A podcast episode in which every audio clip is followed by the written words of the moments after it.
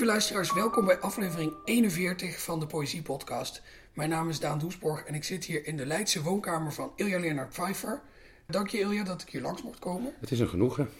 Jij hebt uh, hier voor je liggen het kloeke verzameld werk van Loetjebert.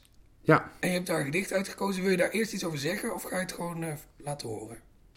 Het is uh, een belangrijk gedicht voor mij. het is eigenlijk een gedicht. Het geldt een beetje voor het hele werk van, uh, van Loetjebert, maar dit gedicht in het bijzonder. Dat in het begin van mijn carrière mij de weg heeft gewezen. En het is getiteld Aan Lesbia. De oude Meepse barg ligt nimmer meer in de rap, maar voor goed op zachte kussens onder, uitgerekend de wilderige boom. Ons rest slechts een schaduw, dun als een daspeld, om af te koelen, lesbia. Sinds je moeder goede zaken maakt met de montage van haar geldzucht en jouw schaamteloos lichaam, zijn je lippen nu als in steeds modieuzer gewaden gehuld, zo gewaagder lijkend dan ooit. Mij toch armelijk mager geworden.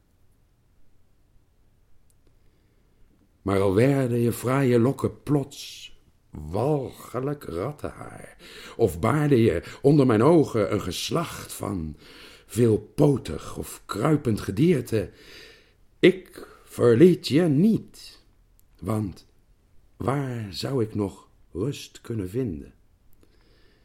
In het zuiden, op brandende bergen soms, of onder de altijd bloedige barbaren in het noorden. Oh, ik moet er niet aan denken hoe in den vreemde een van heimwee bezetene mij toefluistert. Alle vlinders van dit voorjaar slapen op Lesbos. Dankjewel.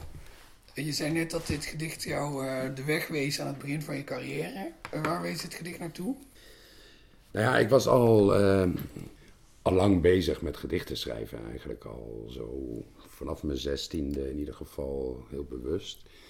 En nou ja, dat was moeizaam, hè? zoals dat altijd gaat. Ik weet niet hoe dat in jouw geval was, maar uh, dat leverde niet echt gedichten op waar ik heel erg tevreden over was. Of tenminste wel op dat moment, maar niet gedichten waar ik dan een maand later nog tevreden over was. En op een gegeven moment besefte ik dat ik eigenlijk niet zozeer gedichten aan het maken was, als wel dingen aan het schrijven was die op gedichten leken. Ik was eigenlijk uh, bezig om na te doen wat er al bestond, wat op poëzie leek. En op een gegeven moment las ik Lucebert. Ik had Lucebert al wel eerder gelezen, maar toen ging ik dat herlezen op een, op een moment dat ik daar rijp voor was of zo. En uh, toen dacht ik, bijvoorbeeld bij dit gedicht, maar ook bij veel andere gedichten, dacht ik, als dit mag, dan kan je dus alles zeggen wat je wil. En dat was zo'n bevrijding. En vanaf dat moment ben ik gestopt met na te denken over hoe poëzie eigenlijk hoorde te zijn. En ben begonnen om na te denken over wat ik eigenlijk te zeggen had. En zonder mij zorgen te maken over regels van de taal of zo. Want dat hoefde niet. Dat deed Lucebert ook niet. Ja, dus Lucebert die liet zien dat je gewoon alle regels uit het raam kan smijten. En dat je dan nog steeds poëzie aan het maken bent. Of misschien zelfs dat je dan eindelijk poëzie aan het maken bent. Ja, en ik vond het ook uh, bevrijdend om te zien hoe je gewoon compromisloos de muzikaliteit van de taal kunt gebruiken. Of de suggestieve kracht van de taal. Zoals die eerste twee regels van dit gedicht wat ik net heb voorgelezen. De oude Meepse barg ligt nimmer meer in drap. Schitterende regels. Die zijn uh, ook uh, heel erg citeerbaar. Die zijn op van alles en nog wat van toepassing in je dagelijks leven. En dat is juist precies omdat je niet weet wat Meeps en barg betekent. En omdat je die uh, Meepse Barg niet kan voorstellen in de drap. Maar juist daarom is het zo suggestief. En dat was wel een soort van eye-opener voor mij. En mijn eerste gedicht van de Vierkante Man, mijn eerste debuut, wel ook expliciet erg schatplichtig aan Lucebert. En iets anders wat ik heel, heel sterk vond en nog steeds vind aan die gedichten van Lucebert, is zeg maar, de retorische kracht ervan. Het heeft bijna soms een een profetische kwaliteit. Dat geeft die gedichten een soort van urgentie. Ook in dit gedicht wat ik net heb voorgelezen.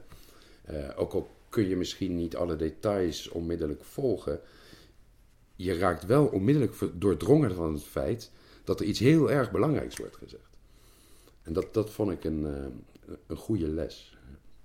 En nu dat je dat eenmaal weet en nu een dichter bent die zich ervan bewust is wat je allemaal wel en niet in poëzie kan doen en die zich inmiddels ook wel weer aan dat schatplichtige aan Lucibert uit die eerste bundel ontworsteld heeft, wat verandert dan ook de betekenis van dit gedicht? Of, of uh, denk je dan vooral aan wat het, wat het toen voor je betekend heeft? Als, als iemand die je, die je vroeger kende, bijvoorbeeld. Of, of krijgt het ook nog een nieuwe betekenis op dit nieuwe punt in je carrière? Nou ja, ik ben eigenlijk verbaasd. Ik heb het net uh, voor jou uit de kast gehaald, omdat het uh, een gedicht is dat, dat in het begin van mijn carrière belangrijk voor mij was. Maar nu ik het nu weer herlees, ben ik eigenlijk verbaasd hoe goed het eigenlijk is. Ik had het al een tijdje niet gelezen, maar het is toch wel echt een, ijzersterk gedicht.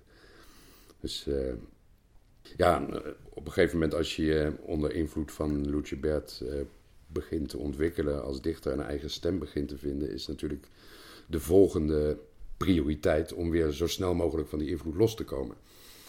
Maar als ik nu dan bij de gelegenheid van dit gesprek terugkeer naar mijn oude leermeester, ben ik toch wel weer vol bewondering. Wat mij opviel, ik heb dit gedicht ook al wel vaker gelezen, maar de laatste keer is alweer een tijdje geleden. Uh, hoe, hoe coherent ik het vind. Want wat ik me altijd herinnerde van de gedichten van, van Lucebert, die ik bijvoorbeeld in mijn studententijd las, is dat ik ze wel heel mooi vond, maar ook heel ontoegankelijk. Terwijl als ik dit nu, ja, dit is eigenlijk wel prima te volgen. Ja, nou, het is misschien niet alle details die je, die je onmiddellijk heel erg goed kan plaatsen, maar de algemene betekenis is heel goed te volgen. En vooral de urgentie daarvan is heel goed te volgen. Ja. Nee, ik ben het helemaal met je eens. het is ook een beetje een ander soort coherentie misschien. Het is niet een, uh, een intellectualistische coherentie, zoals je een redenering opstelt, logisch op elkaar volgende stappen. Het is meer een soort van associatieve coherentie. Meer zoals je in het dagelijks leven denkt in je hoofd eh, als je nergens specifiek over nadenkt. Ik vind altijd als het over Lucebert gaat, dan begin ik altijd te twijfelen of je het nou wel of niet moet hebben over de biografie van Wim Azeu en de daaruit voortvloeiende uh, onthullingen over Luceberts opvattingen in oorlogstijd. Um, hoe, hoe, denk jij daarover? Vind je dat, vind je dat een, een overbodig onderwerp? Of vind je het interessant? Of heeft het iets gedaan voor de manier waarop je naar Lucebert kijkt? Nee, het heeft niks gedaan voor de manier waarop ik naar zijn poëzie kijk. Die gedichten zijn nog steeds hetzelfde. En ik heb hem nooit persoonlijk gekend, dus het kon ook niks doen met de manier zoals ik naar hem persoonlijk keek. Dus uh, voor mij heeft het niks veranderd. En ik denk dat het in het algemeen ook iets is wat je moet loskoppelen. De literaire kwaliteit of de, de artistieke kwaliteit van een kunstenaar. Het hoeft niet per se een dichter of een schrijver te zijn. En de morele kwaliteit van de persoon. Dat zijn toch heel verschillende dingen. Er zijn natuurlijk in de geschiedenis tal van voorbeelden van gepatenteerde klootzakken die schitterende dingen hebben gemaakt. En als je dan gaat besluiten om die schitterende dingen niet meer tot je te nemen omdat het klootzakken zijn, ja, dan hou je op een gegeven moment niet zoveel meer over. En dat lijkt me ook niet zo. Eh, wat schiet je daarmee op of zo? Ja. Het is een soort van. Eh, boycott post-mortem om, om oneigenlijke redenen. Dat, je treft hem daar niet eens mee als dat al je bedoeling zou zijn. Ja, ik denk dat ik het daar wel mee eens ben. Het is wel een moeilijk vlak, want, want je zou bijvoorbeeld inderdaad hetzelfde kunnen zeggen over iemand als Picasso. Dat was, het schijnt ook helemaal geen leuke man te zijn geweest. Bijvoorbeeld. Maar wel een groot kunstenaar. Nou ja, Rembrandt, we zijn nu toch in Leiden, uh, heeft uh, zijn, uh, zijn vrouw op laten sluiten in het gekkenhuis, zodat hij er met de huishoudster vandoor kon. Ik parafraseer je eventjes een passage uit Rembrandts leven. In de, in de actualiteit heb je ook bekende mensen die vervelende dingen doen. En, en daarvan is het dan misschien weer een stuk logischer om die in de band te doen, of in ieder geval tijdelijk. Ik vind wel iets neteligs. Vind, je dat ook, of zeg je nou, dat vind ik helemaal niet? Nou, ik denk dat het minder netelig wordt als je het werk en de persoon scheidt. Ik denk dat dat toch de beste weg is om te volgen. Je kunt verder van de persoon alles vinden. Maar wat je van het werk vindt, dat staat er helemaal los van. En uh, ja, dat, dat geldt natuurlijk nog des te meer als het gaat om historische personen, waar dan uh, de verleiding ook heel groot is om met de normen van nu te kijken naar het verleden, die in, in die tijd misschien helemaal niet van toepassing waren. Zo. Daar moet je enorm mee uitkijken. En ja, als, ik, als ik de gedichten van Lucebert lees, hoef ik het er niet mee eens te zijn of zo. Het, het is ook, eh, poëzie is niet iets om mee eens of oneens te zijn. Het is geen standpunt. Uh, dus het staat helemaal los van standpunten die de jonge Lucebert uh, tijdens de oorlog al dan niet zou hebben ingenomen. Ik heb daar geen moeite mee om dat, om dat totaal van elkaar te scheiden. Als die poëzie daar heel erg over zou gaan, dan was het misschien een, een ander verhaal, maar dan was het ook minder goede poëzie misschien. Ja, misschien wel, ja. Zullen we die geest ons dan nog maar gewoon op het werk van Lucebert richten en zou je dan nog een keer dit gedicht aan ons willen laten horen? Met alle genoeg. Aan Lesbia. De oude Meepse barg ligt nimmer meer in drap, maar voor goed op zachte kussens onder, uitgerekend, de weelderigste boom. Ons rest slechts een schaduw, dun als een daspeld, om af te koelen, lesbia. Sinds je moeder goede zaken maakt, met de montage van haar geldzucht en jouw schaamteloos lichaam, zijn je lippen nu als in steeds modieuzer gewaden gehuld, zo gewaagder lijkend dan ooit, mij toch armelijk mager geworden.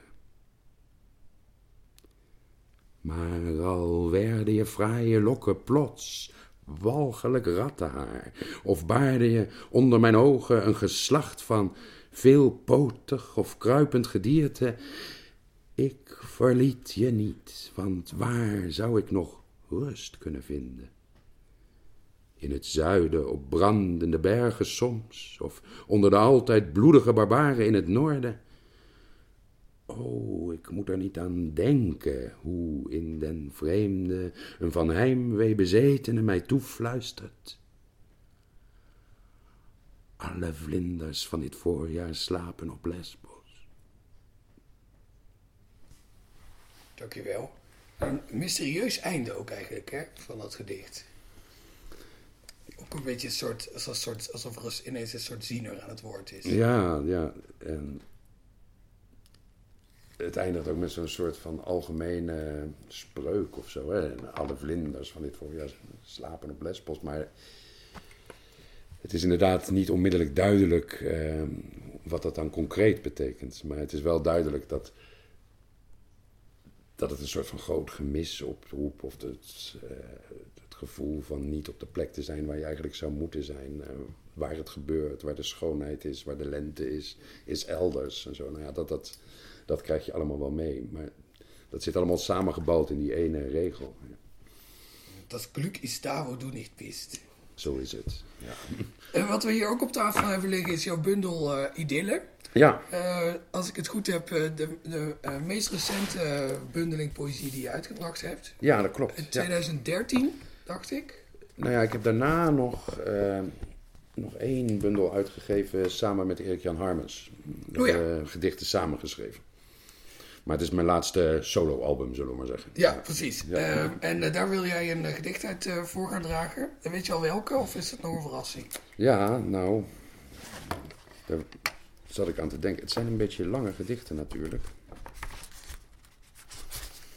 Heb jij een voorkeur? Of, uh... Nou, ik heb wel een onbetwiste favoriet in deze bundel, maar ik weet niet of ik daarmee oneigenlijk uh, invloed uitoefen op het uh, verloop van dit gesprek. Maar ik ben wel voor oneigenlijke invloed. Welke is dat dan? dat is, ik weet eigenlijk niet welke, want zijn alleen een getal, hè? Ja. maar het is die met, die begint met een duizelingwekkend lange zin over een, over een dame die een gesprek afkapt tasjes samenpropt oh, in een plastic ja. zak. Ja, ja, ja. En die eindigt met vissers. Ja, dat is nummer 16. Een goede keuze. Die had ja? ik eigenlijk zelf, zelf ook. Uh, dat was eigenlijk mijn tweede keuze. Dus okay. dat is perfect. En hij sluit ook inderdaad mooi aan bij het vorige gedicht. Het is hetzelfde soort situatie. Dus dit is de zestiende idylle. Wat ik je eerder eigenlijk had willen zeggen, voordat je met een cynisch fronsje het beleg en beschietingen beëindigde, je haar opstak, de tasjes samenpropte in een plastic zak, het bandje van je hemdje op je schouder hees, de halve rekening voldeed, een vlek aanwees op mijn colbertje, met een zucht de aftocht blies in ongebutst kuras, als een verkilde bries voorbijgleed, mij als radeloos, ontvolkt, gehucht, kapotgeschoten achterliet, met nog een zucht, nog één keer naar me keek, als naar een zielig ding, je wenkbrauw optrok, klakte met je tong en ging. Was niet, ik houd van jou. Dat had ik al gezegd. Er wordt een zingend hoofd uit blubber opgedrecht. Een vette paling kruipt uit een van beide oren. Want wie niet voelen wil, die moet maar weer eens horen. En wat het zingt, hoor ik dat vrouwenhanden zijn, die zinderend als groene dromen, zacht als pijn, het bleke lijf uit vel en zwarte kleren rukken, als groupies die waanzinnig aan de sterren plukken. Het is een simpel lied van stuk geschoten woorden op steeds dezelfde drie ontploffende akkoorden. Geloof en hoop en liefde. Steeds weer deze drie, die alle drie precies hetzelfde klinken. Wie zijn wezen uitbesteedt, verzint een ander wezen. En ieder die bestaat, wil van bestaan genezen. Dus schep je een geliefde naar je eigen beeld en zorg je dat ze daarop lijken gaat. Je wilt het ondermaanse als haar eredienst en bid, omdat het om het bidden was te doen. En dit heet dan geluk. Het is projectie van gemis op iemand die voornamelijk een ander is. Tot zover hebben dieren ademloos geluisterd. De drukke vogels zitten aan het scherm gekluisterd. De aap zit met zijn neus tegen het glas gedrukt. Geen leeuw die nu nog geeuwt. En de giraffe bukt om in de circus tent de stenen te zien zweven. En ik tik op de microfoon. Dus, heeft u even, er is, ik kuch, er is een lied dat komt en gaat, dat wie zijn hart, pardon, verliest, zijn vrijheid laat. Ik ben de speelman dankbaar dat ik dat lied ken. Ik ben mij even goed als ik mezelf niet ben. Geen vleugel klappert. Klauwtjes gaan niet op elkaar. Als zelfs de dieren stil zijn, is dat een gebaar. De geur van blonde prooi daalt neer in de vallei als duisternis, en ik krijg jeuk aan mijn gewei. Als jij me zoekt, lig ik onder de mare tak te tellen hoeveel blonde polsjes ik ooit brak, totdat de furieuze groene dromen komen van bloedhonden die grommen achter jonge bomen in pisgeel bos. Want wat ik jou nog zeggen wou, voordat je as afklopte van mijn vette mouw, hoofdschuddend zuchtte dat ik zo romantisch was, je fietssleutels dan toch kon vinden in je tas, die al bij voorbaat volgepropt was met verwijten, verrotte vis, pleidooien, glimlach en de feiten, nog één keer naar me keek als naar een soort van ding, op tien gelakte teentjes roze deed. En ging, is Sorry. Ik voldoe niet aan je beeld van mij. Je wilt me niet. je wilt wie beter lijkt op mij. Rivieren kraken. Jij hebt mij verkeerd verzonnen. Stroomopwaarts springen zalmen naar de blinde zonne, de netten in van luie vissers met hun koppen van pruimtabak en kreppapier, die dochters schoppen en binnenkort op zee bij donkergroene mist een zingend hoofdje zullen hebben opgevist. Dankjewel. Uh, je zei dat dit gedicht je tweede keuze was. Waar was die keuze op gebaseerd? Ja, toch een beetje op wat zou aansluiten bij aan lesbia. Dus ik zat te denken aan een soort van liefdesgedicht. En dat is het wel. De andere zou zijn de 26e idylle. Dat is een, uh, uh, ook, een, ook een soort van liefdesgedicht. Maar deze sluit eigenlijk nog beter aan. Dus je had goed gekozen. Ja, mooi. Ja. ik wist natuurlijk nog niet uh, welke, dicht van, welke dichter jij hiervoor zou kiezen. Toen ik deze bundel, wat is het dan, vier, vijf, zes jaar geleden kocht. En, uh, en, en dit het leukste gedicht vond. Of leukste is natuurlijk een verschrikkelijk woord om hier te gebruiken, maar... Ach, we zijn onder ons. Ja, dat is waar. Um, wat ik aan deze hele bundel trouwens zo, zo opvallend vind, is al die gedichten die je hebben... Ik probeer altijd in deze podcast om, om de boel niet te technisch te maken, maar ik kan nu toch over rijmschema's praten. Die rijmen A, A, B, B, C, C en zo verder. En een van mijn eerste indrukken bij deze bundel was, was je kan dat eigenlijk niet doen. En daarmee sluit het eigenlijk ook weer aan op het gesprek dat we net over Lucibert hadden. Je, je kan het eigenlijk niet doen, A, A, B, B, C, C rijmen. Omdat dat uh, irritant wordt gevonden en, en, en kinderversjesachtig. Maar je, maar je komt er toch mee weg, vind ik. Nu kan ik niet aan jou vragen waarom je daarmee wegkomt, want dat is mijn, uh, uh, mijn beoordeling ervan. Maar, maar waarom heb je dat rijmschema gekozen om in die hele bundel te gebruiken? Nou ja, het is een combinatie van een rijmschema met metrum. Hè. Het zijn uh, Alexandrijnen, Jambische zesvoeten in gepaard rijm. En dat is eigenlijk een oude vorm. Het is eigenlijk de vorm van Vondel. Toneelteksten, maar ook zijn grote vertalingen zijn in deze vorm gedaan. En ik begon me steeds meer te interesseren. Aan het begin van mijn carrière schreef ik vrije verzen, zoals uh, uh, een dichter betaamt in deze eeuw. Maar uh, ik begon toch een soort van fascinatie te ontwikkelen voor die oude vaste vormen. Uh, vooral ook vanwege het muzikale potentieel daarvan.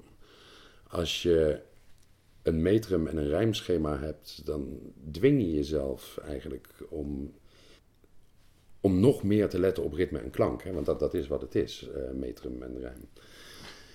En bovendien had ik het het idee, toen ik begon aan de eerste gedichten die uiteindelijk de bundel Idylle zijn geworden.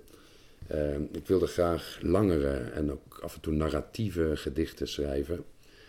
En ik vond daar de, de vrije verse niet zo goed bij passen. En juist om die potentiële oeverloosheid van die lange gedichten en associatieve gedichten in te kaderen, om daar een soort van compensatie voor te bieden, leek me die vaste vorm zo ontzettend geschikt.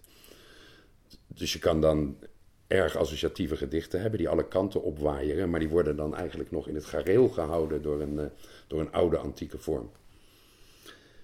En er komt nog bij dat, uh, dat geldt niet voor het gedicht wat ik net heb gelezen, maar voor andere gedichten in de bundel wel, dat het ook uh, actuele gedichten zijn die gaan om, over de wereld van nu. dus een gedicht over de vluchtelingencrisis, een gedicht over Syrië en nog zo wat van die dingen. En ik vond het ook interessant om uh, die hele actuele thema's te behandelen in een hele ouderwetse vorm. Dat gaf een interessant soort uh, clash. Een beetje wat je in NRC ook doet door het sonnet over de actualiteit. Ja, precies. Daar ben ik dan een beetje mee, mee verder gegaan voor NRC. Ja. En waarom, waarom denk je, of ben je het er helemaal niet mee eens, dat kan natuurlijk ook, maar waarom denk je dat die, dat, dat ruimschema irritant wordt gevonden? Ja, omdat als je het niet goed doet, uh, wordt het heel erg voorspelbaar. En worden het inderdaad uh, Sinterklaas-rijmpjes.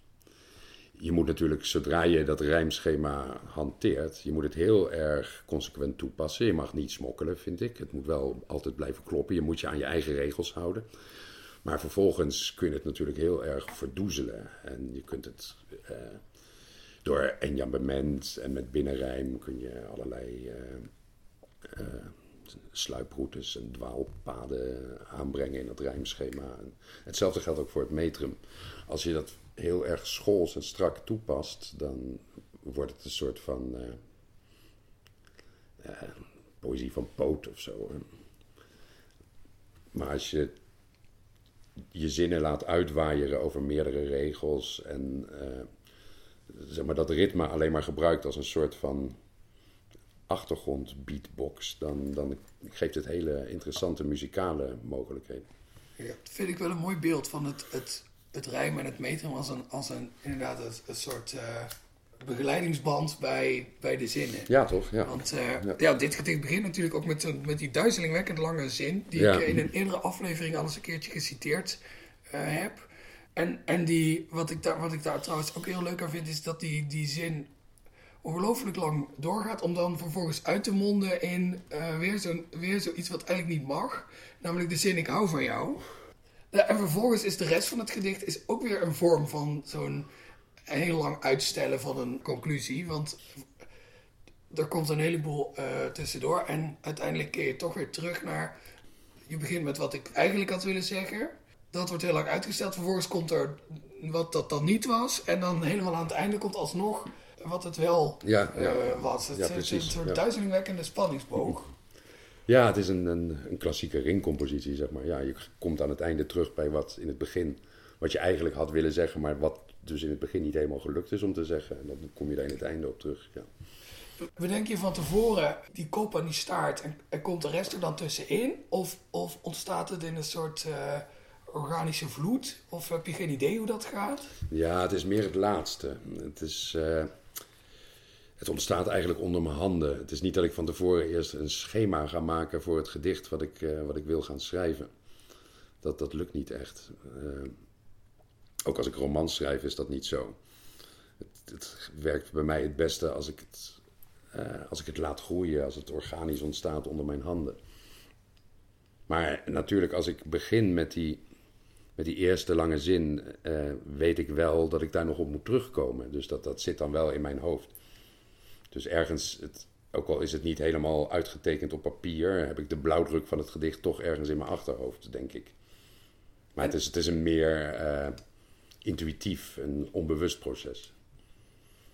En je hebt natuurlijk ook al, begin je al misschien met de intentie om het dan uh, best lang uit te, uit te stellen. Uitstellen is wel altijd een heel goede strategie. Ja. Ik wil nog even terugkomen op uh, de gedichten die je voor NRC schrijft. Daarin behandel je de, de, actualiteit en die is vaak natuurlijk niet per se heel erg poëtisch. Vind Nee. je het moeilijk om dat, om dat toch te doen? Om bijvoorbeeld poëzie over iemand als Donald Trump te maken? ja, dat is hartstikke moeilijk. Maar dat is precies de reden waarom ik het zo graag doe. Ik hou van moeilijke dingen. Maar om, uh, ja, de, de, de, formule van die, uh, van die sonnetten voor NRC is eigenlijk ja, een, een column in sonnetvorm. Dus het gaat heel erg over de actualiteit. En ja, dat dan uh, in, in, in een echt goed kloppend klassiek sonnet van 14 regels. Ja. Het is, uh, je hebt sowieso maar heel weinig ruimte in een sonnet. En uh, ja, door die vormbeperkingen is het echt heel lastig. Ja. De ene keer lukt het ook beter dan de andere keer, maar ik vind het altijd elke keer weer een enorme uitdaging. Maar dat is precies wat me wakker houdt. Lees je dan ook wel eens een, een zin in een, in een nieuwsbericht waarvan je denkt: oh wacht, hier, dit, hier, hier zou ik wel eens een sonnet omheen kunnen breien? Ja, ja, dat gebeurt wel natuurlijk. Soms staat er ineens echt een heel, uh, een heel mooie klinkende jambische zin in een, uh, in een artikel. Ja, dat gebeurt wel eens, ja.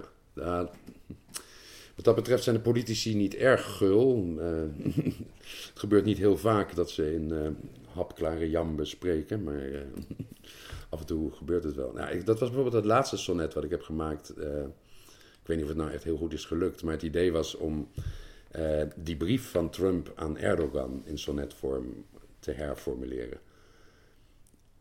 Nou, dat was zo'n ongelofelijke brief. Ik heb dat wel, wel tien keer gelezen, maar dat ontzettende, kinderlijk directe, ijdele taalgebruik, dat heeft al een soort van poëtische kracht, maar op een heel, heel rare, negatieve manier. Maar dat probeerde ik dan in zo'n sonnet. Dan moet je dus daar wel jambe en rijm van maken en zo. Dus je moet het wel aanpassen. Maar dat, dat was al op zich, had het al een soort van uh, poëtisch potentieel, vond ik.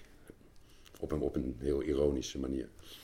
Ja, ik had het tegenovergestelde eigenlijk. Toen ik die brief las, dacht ik, god, dit is toch wel een van de een van, de, een van de meest deprimerende teksten die ik ooit gelezen heb. Nou ja, precies daarom. Ja, om, om dat dan...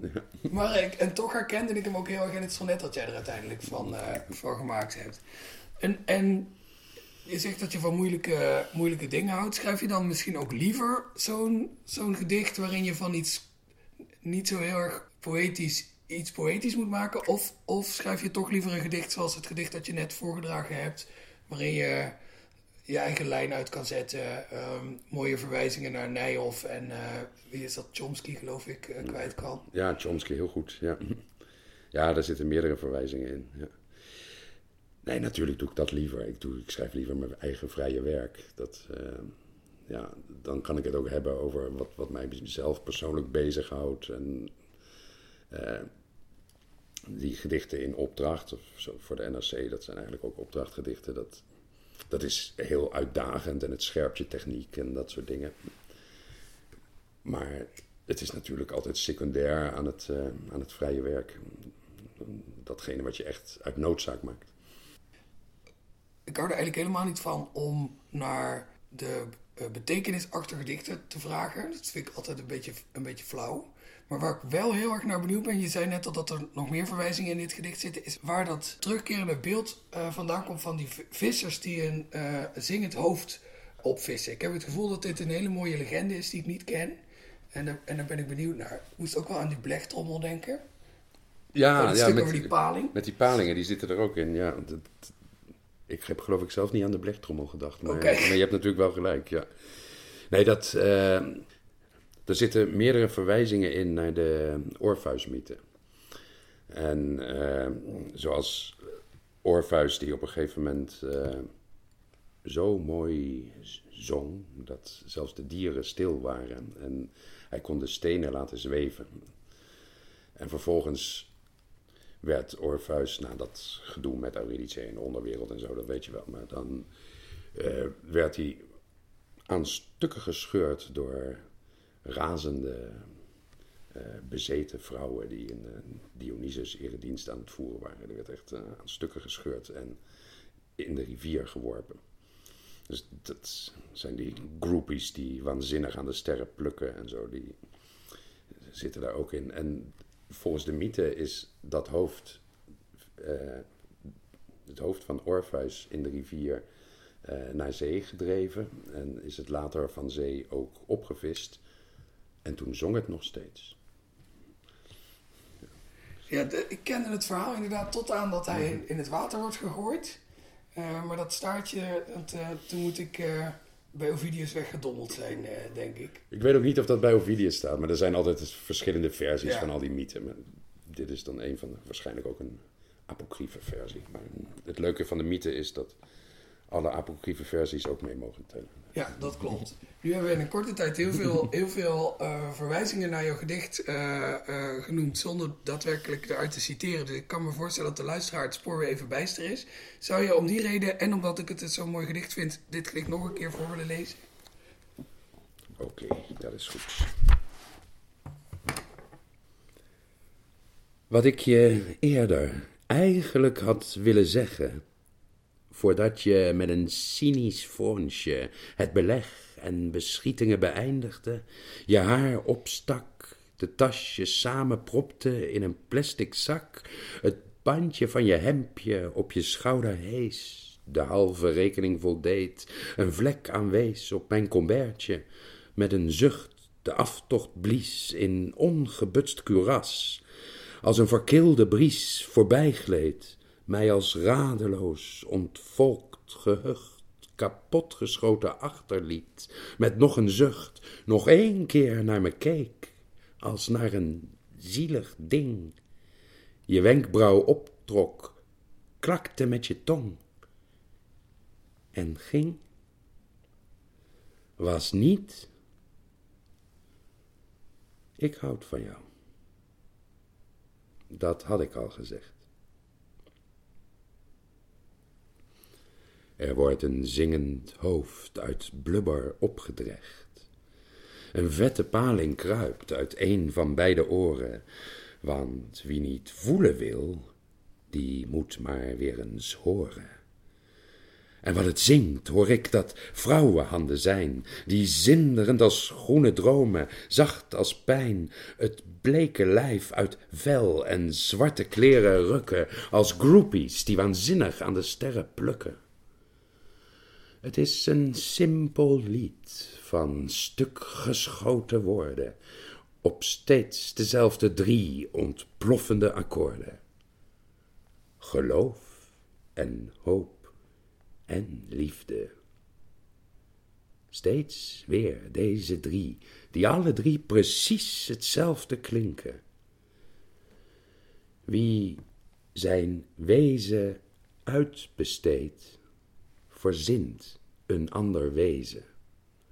En ieder die bestaat, wil van bestaan genezen. Dus schep je een geliefde naar je eigen beeld en zorg je dat ze daarop lijken gaat. Je wilt het ondermaanse als haar eredienst en bid, omdat het om het bidden was te doen. En dit heet dan geluk. Het is projectie van gemis op iemand die voornamelijk een ander is. Tot zover hebben dieren ademloos geluisterd. De drukke vogels zitten aan het scherm gekluisterd. De aap zit met zijn neus tegen het glas gedrukt. Geen leeuw die nu nog geeuwt. En de giraffe bukt om in de circus tent de stenen te zien zweven en ik tik op de microfoon. Dus, heeft u even, er is, ik, er is een lied dat komt en gaat, dat wie zijn hart, pardon, verliest, zijn vrijheid laat. Ik ben de speelman dankbaar dat ik dat lied ken. Ik ben mij even goed als ik mezelf niet ben. Geen vleugel klappert. Klauwtjes gaan niet op elkaar als zelfs de dieren stil zijn, is dat een gebaar. De geur van blonde prooi daalt neer in de vallei als duisternis, en ik krijg jeuk aan mijn gewei. Als jij me zoekt, lig ik onder de mare tak te tellen hoeveel blonde polsjes ik ooit brak totdat de furieuze groene dromen komen van bloedhonden die grommen achter jonge bomen in pisgeel bos. Want wat ik jou nog zeggen wou, voordat je as afklopte van mijn vette mouw, hoofdschuddend zuchtte dat ik zo romantisch was. Je fietssleutels dan toch kon vinden in je tas, die al bij voorbaat vol gepropt was met verwijten, verrotte vis, pleidooien, glimlach en de feiten, nog één keer naar me keek als naar een soort van ding, op tien gelakte teentjes roze deed en ging, is Sorry. Ik voldoe niet aan je beeld van mij. Je wilt me niet. Je wilt wie beter lijkt op mij. Rivieren kraken. Jij hebt mij verkeerd verzonnen. Stroomopwaarts springen zalmen naar de blinde zonne, de netten in van luie vissers met hun koppen van pruimtabak en kreppapier die dochters schoppen, en binnenkort op zee, bij donkergroene mist, een zingend hoofdje zullen hebben opgevist. Dankjewel. Ilja Leonard Pfeiffer. Dit was aflevering 41 van de Poëzie-podcast. Die wordt gemaakt door mij, Daan Doesborg, in samenwerking met de Stichting Literaire Activiteiten Amsterdam en Vrij Nederland. Als u deze podcast luistert in iTunes, dan zou je me er een groot plezier mee doen uh, als u een beoordeling achterlaat. Dat mag ook een negatieve beoordeling zijn als u dit een verschrikkelijke podcast vindt. Want hoe meer beoordelingen, hoe meer mensen deze podcast kunnen vinden. De muziek die ongeveer nu wordt ingestart, wordt gemaakt door Bart de Vrees. Ik zie u graag de volgende keer weer terug.